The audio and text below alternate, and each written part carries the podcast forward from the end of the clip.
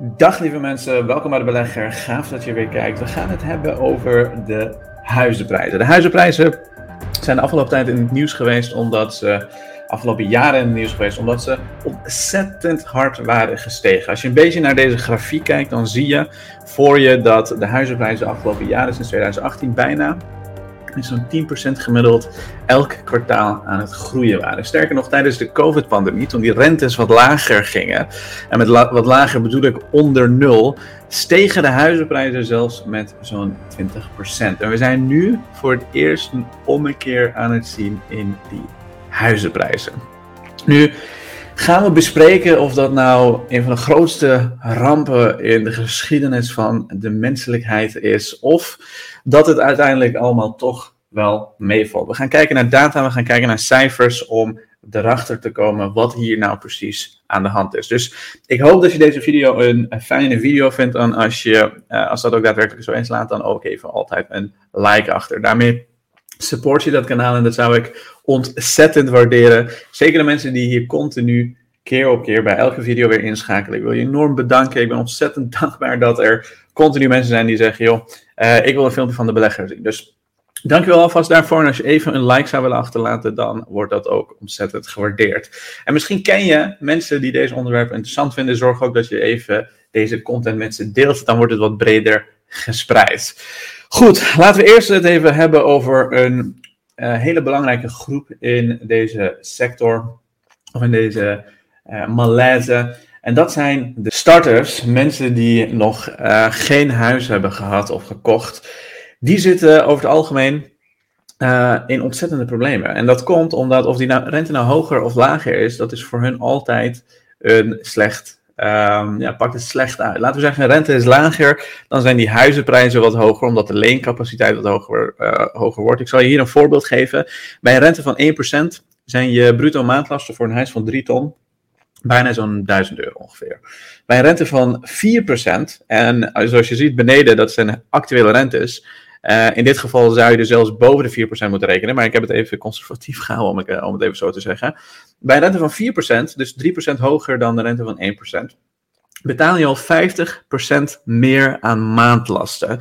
En niet iedereen kan dat aan. En dat betekent dus minder leencapaciteit, dat je minder kunt lenen als je een starter bent. Dus of die rentes hoog of laag zijn, of die huizenprijzen hoog of laag zijn, als starter word je dubbel genaaid. Sterker nog, als we Hugo de Jonge moeten geloven, dan laten we even luisteren. Ik zit denk ik in een unieke situatie, geen studieschuld, uh, aardig wat spaargeld, gewoon kunnen staan. En het lukt mij gewoon niet eens om in mijn eentje een koopwoning te kopen. Rijke vriend, heb jij er al aan gedacht? Ja, dat zegt dus iedereen, minister. Dat kan echt niet meer in deze tijd. Wat zegt u? Rijke vriend erbij nog? Heb jij nog nee, nee, ik wil gewoon in mijn eentje. Oh, gewoon in je eentje, oké. Okay. Ja, gewoon zelfstandig iets kunnen kopen. En dat lukt gewoon niet.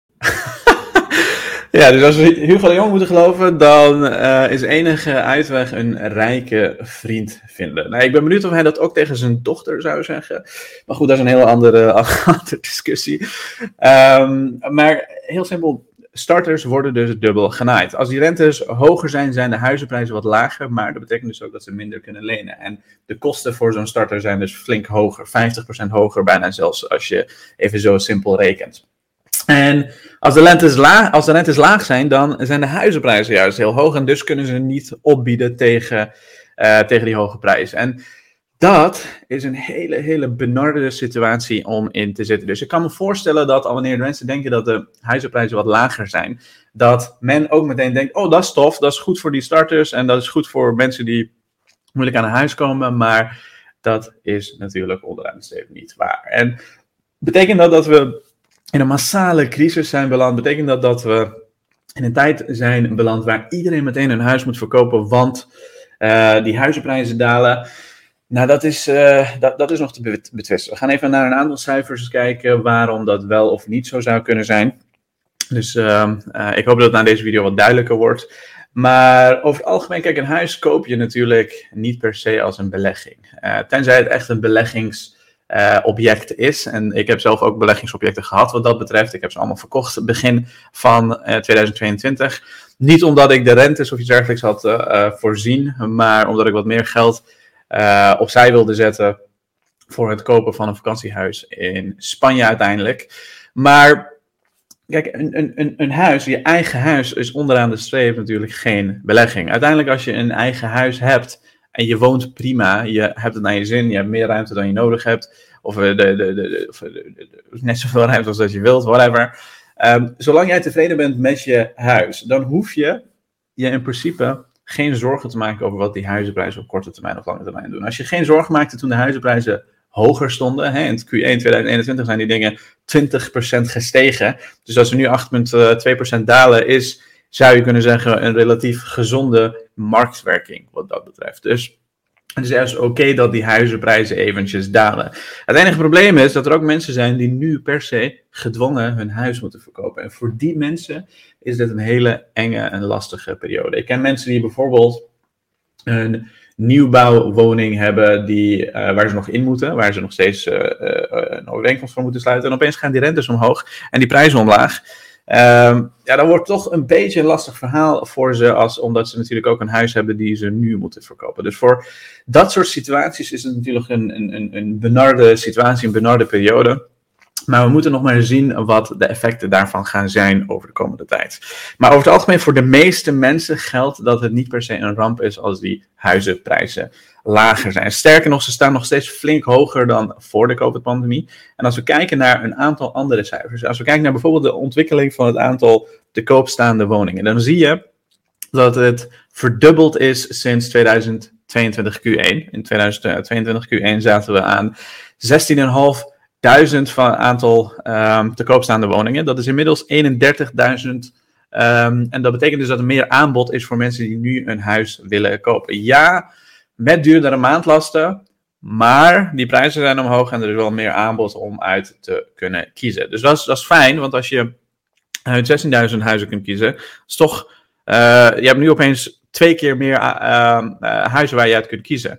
En dat is geen ramp, dat is geen crisis uh, als er heel veel huizen te koop staan. Want sterker nog, als je het historisch vergelijkt, we zitten nog steeds net, net onder de, uh, de, de, de COVID-pandemie. Dus wat dat betreft, nog steeds niet van een crisis te spreken. Maar dat betekent wel dat als we een aantal jaar vooruit extrapoleren, als we een aantal jaar vooruit kijken, deze trend zet door, ja, dan hebben we wel een probleem. En de vraag is of dat ook daadwerkelijk zo is. Hè? Want Kijk, die rentes die natuurlijk verhoogd omdat de inflatie zo hoog was. En uh, die inflatie is flink aan het dalen. In Nederland zitten we al aan 4,4 procent. Um, dus als die inflatie blijft dalen, dan hoeft die rente in principe niet veel hoger dan waar het ongeveer nu is. En misschien wel even een stapje, een stapje of twee hoger, maar niet veel hoger dan waar het nu is. En dan moet je niet als financieel advies zien, dat is gewoon puur mijn, mijn gedachten uh, hierover. Dus laten we zien hoe die ontwikkelingen er zijn. Maar over het algemeen, als je dus niet je huis verplicht moet verkopen of je hebt het geld niet nodig en zo, dan hoef je in principe niet te veel zorgen te maken.